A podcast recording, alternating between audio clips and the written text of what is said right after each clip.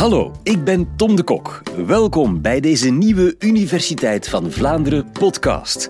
Vandaag een lofzang op vertalingen en waarom vertalingen en vertaalwetenschap belangrijk zijn. Bij mij zit professor Anneleen Spiesens, docent in de vertaalwetenschap. Hoe kan een vertaling de wereld veranderen? Welkom bij de Universiteit van Vlaanderen.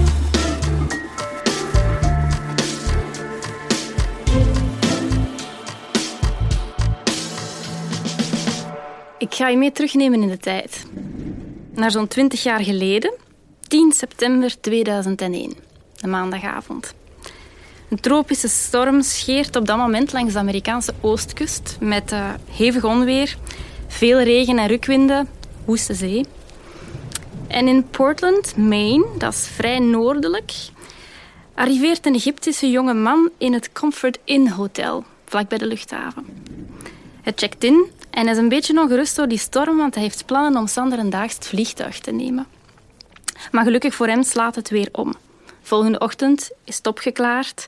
Een beetje frisser dan de dag voordien, maar staalblauwe lucht, dus hij kan zijn reis verder zetten. En hij vliegt van Portland naar Boston, korte vlucht, om daarover te stappen op vlucht 11 van American Airlines met bestemming LA. Toestel stijgt op om 7 uur 59 plaatselijke tijd. Dat toestel zal LA nooit bereiken. Want een kwartier na het opstijgen wordt alle radiocontact verbroken en begint dat vliegtuig af te wijken van zijn traject. En even later belt een stewardess uh, in paniek uh, met de centrale van American Airlines. Ze weet niet goed wat er aan de hand is. Ze weet ook niet waar ze zich juist bevindt. Uh, maar er is iets mis, zegt ze, want wij vliegen veel te laag. En de centrale vraagt haar dan om te beschrijven wat ze uit het raampje ziet. En ze zegt: Ik zie water, ik zie gebouwen, ik zie veel gebouwen, nog gebouwen. En dan valt de lijn dood. Op dat exacte ogenblik boort dat vliegtuig zich in de noordelijke toren, WTC-toren in New York City. Het is 11 september 2001, 8 uur 46 plaatselijke tijd. Die Egyptische jonge man in dat hotel is Mohamed Atta. En hij wordt uh, beschouwd als het brein achter de aanslagen die de VS treffen op 9-11. We weten ondertussen dat hij uh, tijdens zijn studies in Europa in contact kwam met een terroristisch netwerk. Uh, we weten ook dat hij Bin Laden een paar keer ontmoette en dat hij zelfs een trainingskamp volgde in Afghanistan. We weten nu ook dat hij daarna zonder al te veel problemen een Amerikaans visum kon aanvragen en een pilootopleiding volgde in de VS. En dat hij in de loop van 2001 ook nog eens een aantal testvluchten kon uitvoeren. Hoe komt het dat die man onder de radar is gebleven van de Amerikaanse veiligheidsdiensten? De grote vraag natuurlijk na die aanslagen. En een deel van het antwoord heeft te maken met vertaling. Of liever het gebrek daaraan. Want in het rapport dat werd opgesteld door de 9-11 onderzoekscommissie lezen we het volgende. The FBI lacked sufficient translators proficient in Arabic and other key languages, resulting in a significant backlog of untranslated intercepts. Dus de veiligheidsdiensten en met name de FBI beschikten gewoon over onvoldoende vertalers die het Arabisch machtig waren of andere talen die in het Midden-Oosten uh, worden gesproken. En het resultaat was een gigantische achterstand. Een berg onvertaalde informatie. Dus er werden wel berichten onderschept, maar er waren onvoldoende taalexperts om die te verwerken. Een misser van formaat, kun je wel zeggen. Uh, en op het moment dat dat rapport werd gepubliceerd, uh, van die commissie, in 2004 was dat, uh, waren er nog altijd meer dan 120.000 uren audio-opnames niet vertaald. Natuurlijk voor gevoelig audiomateriaal in, in talen als bijvoorbeeld Pashto of Urdu uh, is bovendien niet evident om machinevertaling te gebruiken. Daarvoor heb je gewoon veel mankracht nodig. Dus um, er is een, in, een inhaalbeweging op gang gekomen op dat moment uh, in de VS, te beginnen met het inrichten van meer taal- en vertaalopleidingen. Want Amerikanen hebben toen geleerd dat vertaling ertoe doet. It matters.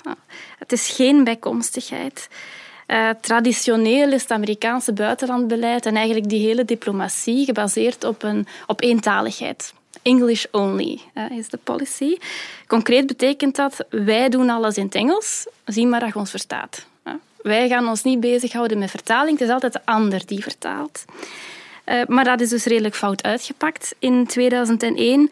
En eigenlijk is het door die taalkundige arrogantie dat Amerikaanse burgers een enorm veiligheidsrisico liepen. Nu, ik denk niet dat Amerikanen de enigen zijn die het belang van vertaling wel eens hebben onderschat. Uh, eigenlijk zijn wij allemaal tot op vandaag zeer afhankelijk van vertaalprocessen. Uh, we zijn dat in het verleden altijd geweest en we zullen dat in de toekomst ook nog zijn. Maar het lastige met vertaling, of de reden waarom wij, daar, uh, waar, waarom wij ons daar niet altijd bewust van zijn, is dat vertaalprocessen bijna altijd op de achtergrond plaatsvinden. Vertalers staan niet op een podium, die zitten in de coulissen. En wat ik daarom zou willen doen, is die mensen en die processen een beetje naar de voorgrond halen. Bij wijze van spreken met een spot daarop richten. Ik vind dat belangrijk omdat vertalen geen neutrale activiteit is. Uh, het is niet louter een kwestie van pure techniek, input-output. Vertalen doet altijd iets. Het brengt iets teweeg. Het ontstaat ook vanuit een zeer specifieke behoefte, met een specifiek doel. Eh, het is een handeling die is ingebed in een uh, bepaalde socioculturele, uh, politieke en historische context. In het slechtste geval is vertaling een machtsinstrument dat dient om, om anderen te controleren. En in het beste geval opent vertaling nieuwe werelden. Kun je elkaar ontmoeten via vertaling en kun je leren uit die ontmoeting. Ik ga een paar voorbeelden geven van dat laatste mooie Europese voorbeelden om aan te tonen in welke mate vertaling onze huidige cultuur en onze kennis heeft vormgegeven. Want onze geschiedenis is echt verstrengeld met processen van um, vertaling en transfer. Uh, vertaling is, is heel vaak een drijvende kracht geweest achter wetenschap, achter literaire ontwikkelingen en filosofie. Maar het is ook een katalysator voor politieke en maatschappelijke verandering. Uh, zonder vertaling geen modern Europa. Mijn eerste voorbeeld. De medische renaissance. Nu moeten we wel een heel eind terug in de tijd. 11e, 12e eeuw, daar begint het zo'n beetje. En we gaan naar Salerno. Daar in Zuid-Italië vinden we namelijk de wortels van de moderne geneeskunde. Salerno had een medische school en die school die groeide heel snel uit tot een van de meest prestigieuze instituten uit die tijd. Je moet weten dat Salerno in de middeleeuwen een bruisende havenstad was. En in die hoedanigheid was het ook een ontmoetingsplek van verschillende culturen en tradities. Het was een venster op de wereld. En met name op de Arabische wereld. Er werd bij gevolg veel vertaald uit het Arabisch. En wat werd er vertaald? Uh, wel, allereerst onderzoek van islamitische geleerden. Die hadden op dat moment een, uh, een indrukwekkende kennis opgebouwd over onder andere farmacologie, uh, chirurgische methodes, infectieziekten ook, oogheelkunde. Maar dat was niet het enige. Want via vertaling uit het Arabisch herontdekten de Europeanen ook hun eigen oudheid. Teksten um, van Hippocrates, bijvoorbeeld. Teksten waarvan het origineel al lang verloren was, maar die waren blijven circuleren in Arabische vertalingen. Dus uh, die documenten die waren daar in de vroege middeleeuwen al opgepikt, uh, in het begin van wat men dan het uh, islamitische gouden tijdsperk noemt. Griekse en ook Latijnse documenten die werden toen al vertaald in het Arabisch en becommentarieerd door de vertalers en konden op die manier overleven. En in Salerno in de, in de 11e eeuw komt dat dus allemaal samen.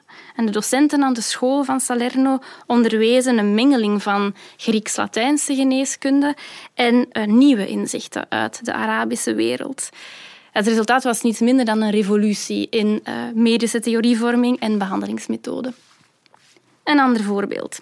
Onze moderne ideeën over uh, wetenschap en rationaliteit, um, burgerrechten en mensenrechten, emancipatie, uh, vrijdenken.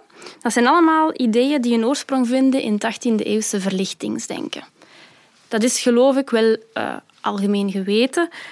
Wat misschien niet geweten is, of waar niet zo vaak de nadruk op wordt gelegd, is dat die verlichting gepaard ging met een massale vertaalbeweging. Uh, in de 18e eeuw werd het Latijn niet meer beschouwd als de taal van kennis en wetenschap. Uh, er werd nu geschreven in verschillende landstalen. Uh, wat ook zo was, is dat het, uh, het lezerspubliek verruimde door de opkomst van een middenklasse, van een bourgeoisie. En dat samen maakte dat er een gigantische markt was voor vertaling.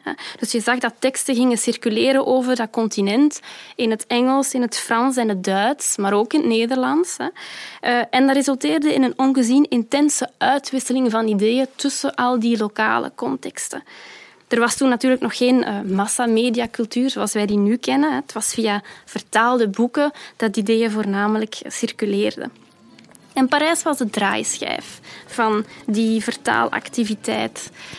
Um, een auteur als Adam Smith, uh, belangrijk figuur van de Schotse verlichting, uh, vaak genoemd als vader van de moderne economie.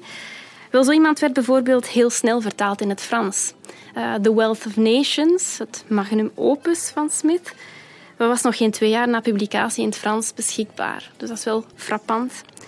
Voorts is het ook zo dat uh, veel bekende Fransen die wij nu uh, die wij ons herinneren als denkers en schrijvers, dat die ook actief waren als vertaler.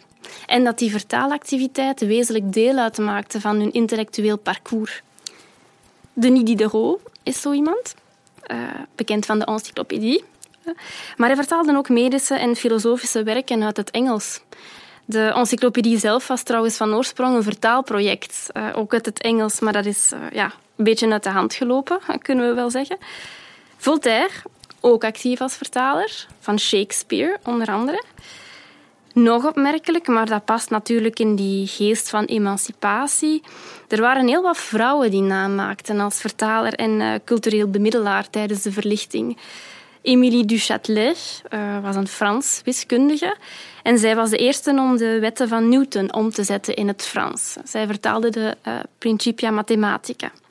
En in onze contraille had je figuren als Betje Wolf, die essays van Maupertuis en uh, Alexander Pope ontsloot voor een Nederlandstalig publiek. Dus er was daar een gigantische vertaalbedrijvigheid, hè, zowel in het domein van de wetenschap als van de literatuur. En dat zorgde ervoor dat kennis en cultuur zeer intensief werden gedeeld en dat het ene kon voortbouwen op het andere. Eigenlijk kun je dus wel besluiten zonder vertaling geen Europese cultuur zoals we die nu kennen.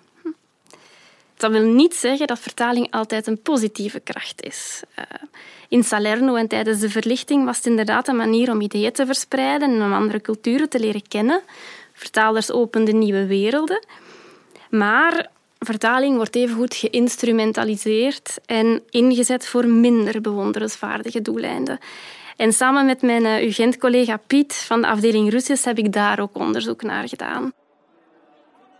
Paar jaar geleden um, waren wij nogal verbaasd toen wij de internationale nieuwsberichten uh, bekeken over de Maidan-beweging. Weet nog wel, eind 2013 ontstonden er protesten op het Maidanplein in Kiev nadat de Oekraïnse regering onder druk van Rusland uh, uiteraard afzag van een verdrag met de Europese Unie. En die protesten, dus pro-Europese, pro-Westerse protesten, die verspreidden zich in de maanden daarna heel snel over de rest van het land. En in het oosten van Oekraïne en op de Krim, dat is dat schiereiland uh, onder Oekraïne, daar, uh, dat zijn eigenlijk plaatsen waar veel etnische Russen woonden, uh, nog steeds wonen natuurlijk. En daar kwam een tegenbeweging op gang. Daar escaleerde de situatie ook, ook betrekkelijk snel. In het oosten is het tot op heden oorlog tussen Oekraïne en Rusland. En op de Krim kwam het Russische leger ook tussen om een referendum af te dwingen in 2014. Dat schiereiland werd eigenlijk vakkundig losgeweekt van Oekraïne en ingelijfd bij de Russische federatie. En ja, dat referendum wordt wel door de Verenigde Naties als illegaal beschouwd. En buiten Wit-Rusland is er bij mijn weten niemand die het nieuwe statuut van de Krim officieel erkent. Maar uh, de facto functioneert de Krim vandaag wel als deel van Rusland en betalen ze daarmee roebels. Nu, Rusland en het Westen hadden en hebben nog steeds een heel verschillende interpretatie van de gebeurtenissen daar. In die mate zelfs dat experts spreken van een informatieoorlog. Want wat is nu de versie van Rusland?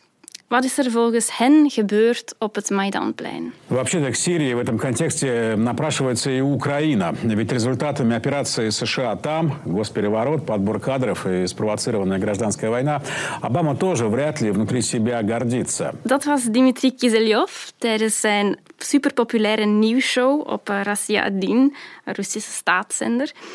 Eh, Kiseljov kun je beschouwen als een van de belangrijkste spreekbuizen van eh, het Kremlin op de televisie. En hij zegt hier dat de Maidan-beweging in feite één groot westers complot is. Een, een Amerikaanse staatsgreep die falikant is afgelopen. Is die opasnost? что как черт из табакерки может выскочить какой-нибудь националюга, полуфашистующий элемент, а мы видим, что там с повязками народ разгуливает до сих пор по Киеву, напоминающими свастику. Deze stem klinkt misschien al wat bekender in de oren. Het is uh, Vladimir Poetin tijdens een persconferentie in 2014. Uh, dus dat, was, dat waren de beginmaanden van de protesten. En hij zegt dat fascisten en antisemieten de macht grijpen in Kiev. Hij eh, vertelt ook dat hij daar mensen op straat heeft zien rondlopen met swastikas op hun mouw. Later zal hij gaan beweren dat door die fascistische dreiging etnische Russen groot gevaar liepen, bijvoorbeeld op de Krim, en dat die dus beschermd moesten worden.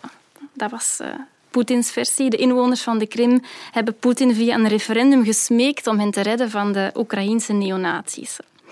Nu, we wisten al dat de, de Russische pers voor het overgrote deel gecontroleerd wordt door Moskou. Maar nu blijkt dat dus ook vertaling, en met name nieuwsvertaling, een wapen is in die informatieoorlog. Vertaling wordt ingezet in de propagandamachine eigenlijk. En mijn collega en ik deden onderzoek naar een bepaalde website, een druk bezochte website, die buitenlands nieuws monitort. Uh, en die website heet Inasmi. Dus op Inasmi kun je artikels vinden van The Guardian of Le Monde. Uh, artikels over Rusland in het Russisch vertaald. En het idee is dan om de Russische lezer een representatief beeld te geven van hoe het buitenland denkt en schrijft over Rusland. Het is nu wel belangrijk om te weten dat Inasmi uh, onderdeel is van Rassia Sigodnia. Dat is het grote nieuwsagentschap dat wordt aangestuurd door het Kremlin. En dat in december 2013 tijdens de Maidan-protesten, Poetin een belangrijke reorganisatie doorvoerde. Want aan het hoofd van Rassia Segodnia staat op dit moment Dmitri Kizelyov. Olé, dat is die man die daarnet zijn complottheorie uit de doeken deed. Nu, wat gebeurde daar allemaal op die website in Azmi in 2014? Twee dingen, voornamelijk. Eerst en vooral werkt die website als een filter.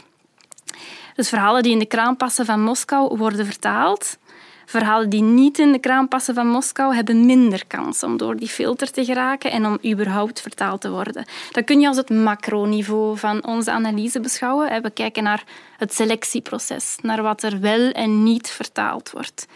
Kritiek op Rusland geraakt minder makkelijk door de filter. Hè. Uh, kritiek op het Amerikaanse beleid van Obama in der tijd of op de Europese sancties, uh, die geraken er al wat makkelijker door. Hè. Het resultaat is natuurlijk geen representatief beeld van de buitenlandse pers, maar een uitvergroting van kritiek op het Westen. Nu, wat doet die website nog? Op microniveau gingen wij kijken naar textuele ingrepen. Als een artikel wordt vertaald, hoe wordt dat dan vertaald? En wat ons daar is opgevallen, met Poetin wordt niet gelachen. Bij ons wel natuurlijk. Hè. Westerse berichten die bevatten regelmatig ironische toespelingen op die macho-cultuur rond Poetin eh, of op zijn nostalgie voor het oude Sovjetrijk eh, en het Russische keizerrijk. Hij wordt ook uh, wel eens lacherig de nieuwe tsaar genoemd. Maar in Rusland is dat niet om mee te lachen. Dat blijkt. Daar is mijn bloed ernstig. En in Russische vertaling ga je dan ook nooit uh, die, die ironie of dat sarcasme terugvinden als Poetin ter sprake komt. Die passages worden aangepast, die ironie wordt wegvertaald. En volgens diezelfde logica wordt ook de annexatie van de Krim in Russische vertaling zelden als annexatie benoemd. En al zeker niet vergeleken met een Anschluss, zoals uh, dat wel eens te lezen viel in Amerikaanse kranten in der tijd. In feite zijn in vertaling uh, zo goed als alle verwijzingen naar nazisme of fascisme voorbehouden voor het Oekraïense kamp. Nu, door al die ingrepen ontstaat er een heel ander narratief in het Russisch. Eentje dat meer in de lijn ligt van wat de Russen gewoon zijn om te horen en dat hun vermoedens in zekere zin bevestigt. Dat heeft uiteraard een invloed ook op de perceptie van, van dat conflict. Vertaling, dat voel je al, heeft hier nog weinig eh, te maken met kennisdelen of het overbruggen van culturele verschillen. Vertaling wordt hier gebruikt om verschillen juist te verdiepen en om het eigen gelijk te halen. Ehm, vertaling wordt een machtsinstrument. En dat is ook iets van alle tijden. Hè. Als je terugkijkt op ons koloniaal verleden, dan zie je daar bijvoorbeeld dat de Spaanse conquistadores al een uitgekiend taal- en vertaalbeleid hadden. Uh, zij recruteerden mensen uit de lokale bevolking, dus mensen die de taal en de cultuur goed kenden. Ze leidden die op tot tolk en betrokkenen in de onderhandelingen tussen de verschillende inheemse groepen. Hè. Die werden dan tegen elkaar uitgespeeld in een verdeel- en heerstactiek. Uh, nog een voorbeeld, de witte paters in, uh, ten tijde van Congo-Vrijstaat, die gingen Swahili leren. Niet alleen uit intrinsieke interesse voor de lokale cultuur, hè, maar voornamelijk om de bevolking sneller te kunnen bekeren en in te lijven in die katholieke kerk van Afrika. En daarmee wil ik geen afbroek doen aan uh, persoonlijk engagement en de goede bedoelingen van individuen, maar het is een systeem dat ik wil blootleggen. Namelijk als je macht en controle wil verwerven over grote gebieden en bevolkingen, is het cruciaal om de taal van de ander te kennen. Dan volstaat het niet om je eigen taal op te dringen. Een gelijkaardig mechanisme zie je in het huidige Amerikaanse taalbeleid in het Midden-Oosten. Um, ze hebben bijgeleerd op dat vlak. Ze hebben geleerd dat eenrichtingsverkeer niet volstaat. Ik vertelde daar straks dat er na 9-11 meer werd geïnvesteerd in vertaalopleidingen in de VS. Maar die programma's zijn er dus ook niet gekomen uit spontane interesse voor de lokale culturen en tradities, uh, maar juist om um, ja, enerzijds de veiligheid van het Amerikaanse volk te garanderen en dus om anderstalige, vijandige elementen uh, onschadelijk te kunnen maken. En anderzijds om de invloedssfeer van de VS uit te breiden in grote delen van de wereld waar de war on terror nog wordt gevoerd. En als je mij dan vraagt hoe kan een vertaling de wereld veranderen? Wel ten goede en ten kwade. Ik vind het zelf altijd jammer als vertaling wordt gereduceerd tot een puur strategisch instrument. Als de waarde van taal en vertaling wordt berekend op basis van hun nut voor een imperium. We hebben bovendien gezien dat die denkwijze ook gevaren inhoudt. Vertaling kan dan een techniek worden om de ander klein te houden, eh, zoals in het koloniale verhaal, of om verschillen op de spits te drijven, zoals in dat Russische voorbeeld. En we zagen juist ook dat vertaling zoveel meer kan zijn en zoveel mooiers kan doen. Het kan een manier zijn om in contact te komen met de ander. Andere culturen, met andere teksten, met andere inzichten, met andere mensen. Het is vaak via vertaling dat je eigenlijk pas beseft hoe verschillend iedereen is en hoe er toch altijd een manier is om die verschillen te overbruggen, al was het maar tijdelijk en om van elkaar te leren. Vertaling vormt in die zin de basis van onze kennis, van onze cultuur en van ons samenleven. En ik denk dat dat vandaag toch heel belangrijk is.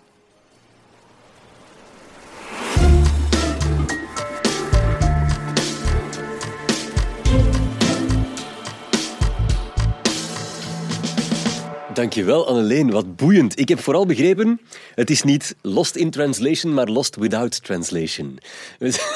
Zo, zo Wat is zouden het we zijn zonder vertalingen? Maar ik, ik, ik zat me toch ook heel de tijd af te vragen, bestaat er zoiets als een objectieve vertaling? Want een vertaling is altijd het product van de mens die vertaalt. Dat klopt. Ehm, je kan evengoed vragen, bestaat er zoiets als een, een, een object, objectieve discours of een objectieve... Um, als je met teksten bezig bent, teksten ontstaan altijd in een bepaalde context. Hè. Er zijn inderdaad, zoals je zegt, er zijn mensen mee bezig. Hè. We noemen dat dan uh, in het jargon actoren, vertaalactoren. Dat kunnen individuele ah, ja. mensen zijn, maar dat kunnen ook instellingen, instituten, weet ik veel, organisaties zijn of politieke machten. Hè. Um, maar die verschillende actoren beslissen wat er wordt vertaald en wat er niet wordt vertaald, zoals in dat voorbeeld van Rusland. Dat is ook, dat is ook zeer interessant om te zien wat er niet... Wat je niet vertaalt, ja, wat er niet gezegd wordt, wat er niet tot bij ons komt. Klopt. Ja. En het is juist interessant om, omdat vertaling niks neutraals is. Het is gewoon een menselijke activiteit die is ingebed in de samenleving en in, in, in een politieke, historische context. Het is juist daarom dat het zo interessant is om te zien wat er gebeurt hè, als er wel of niet wordt vertaald, uh, in welke richting die vertaling gaat, welke machtsevenwichten daar ook meespelen in die beslissingen um, en welke ja, culturele elementen dat er worden uitgewisseld. Dus er is een heel spectrum uh, dat je daar kan onderzoeken, juist omdat vertaling inderdaad helemaal niet neutraal of objectief kan zijn. Hè. Ja, en wat zo boeiend is, is dat uh, vertaling kan er net toe leiden dat we uit onze filterbubbel treden, maar het kan er ook net toe leiden, zoals in het voorbeeld van Rusland, dat we er nog harder worden ingeduwd. Je kan, het is echt een tweesnijdend zwaard. Ja, zo is dat. Ja, het is een heel uh, courante metafoor om te zeggen dat vertalers um, uh, bruggenbouwers zijn. Uh, dat, dat beeld kennen we wel allemaal, denk ik. En dat is natuurlijk tot op zekere hoogte zo, maar niet altijd. niet in alle omstandigheden. En er zijn genoeg tegenvoorbeelden. Hè. Vertaling kan gewoon, het is, zoals elke andere discursieve activiteit, is dat iets dat in beide richtingen kan gaan. Hè. Ja. kan ook misbruikt worden, inderdaad. Wat ongelooflijk interessant. En dat is jouw werk, want ik denk dat deze podcast voor veel mensen een eerste kennismaking zal zijn met de vertaalwetenschap. Vertalers, die kennen we allemaal, maar velen onder ons zullen niet weten dat daar een hele wetenschap achter zit. Krijg je die reactie wel vaker? Ja, ja, ja dat is zo, want mensen... Er zijn twee zaken. Enerzijds denk ik dat mensen... Um, uh, niet zo beseffen dat ze dagelijks met vertaling te maken hebben. En dat ze niet beseffen hoe belangrijk dat dus is om te weten hoe dat in elkaar zit. Uh, en hoe die mechanismen um, juist in elkaar zitten. Um, als, ik, uh, als ik ga koken met Ottolenghi, dan, dan doe, ik, doe ik dat ook in vertaling bijvoorbeeld. Hè.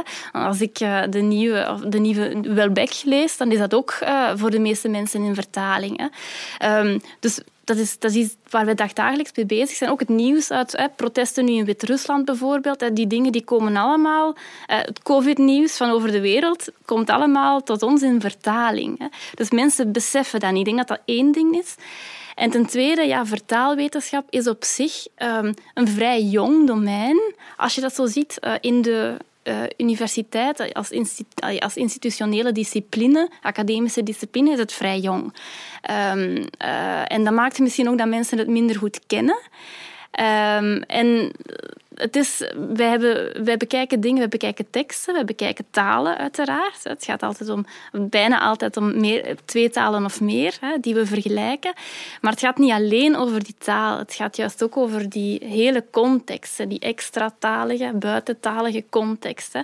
Dus er zijn veel elementen die wel verklaren waarom mensen misschien nog niet hebben gehoord over, uh, nog niet gehoord hebben over vertaal, van vertaalwetenschap, waarom ze dat niet kennen. Um, maar ik ben wel blij uh, dat, daar, uh, dat daar ruimte voor is nu en dat ze op deze manier toch een beetje inzicht krijgen. Vertalen is meer dan uh, Google Translate alleen. We zullen het. ja, ja. Ik, ik zie ook aan je gezicht de horror. Ja. nee, nee, nee, helemaal, nee, helemaal niet. Nee. nee, nee helemaal niet. Maar het is, het is meer dan dat. Dat is ja. het juist. Het, het, is ook Google Translate. Zeker en vast in Google Translate. Het is ook machinevertaling. Ja. het is ook vertaalsoftware. Ja. Vertalen is dus meer dan Google Translate alleen. Er zit ook een hele context aan vast en een hele vertaalwetenschap. Dankjewel om dat aan ons te komen uitleggen voor de Universiteit van Vlaanderen, professor Anneleen Spieses. Mocht jij ook een vraag hebben waarop je een wetenschappelijk verantwoord antwoord wil krijgen, stuur ze dan naar info.universiteitvanvlaanderen.be en wie weet wordt jouw inspiratie binnenkort vereeuwigd in een podcast. Tot volgende keer.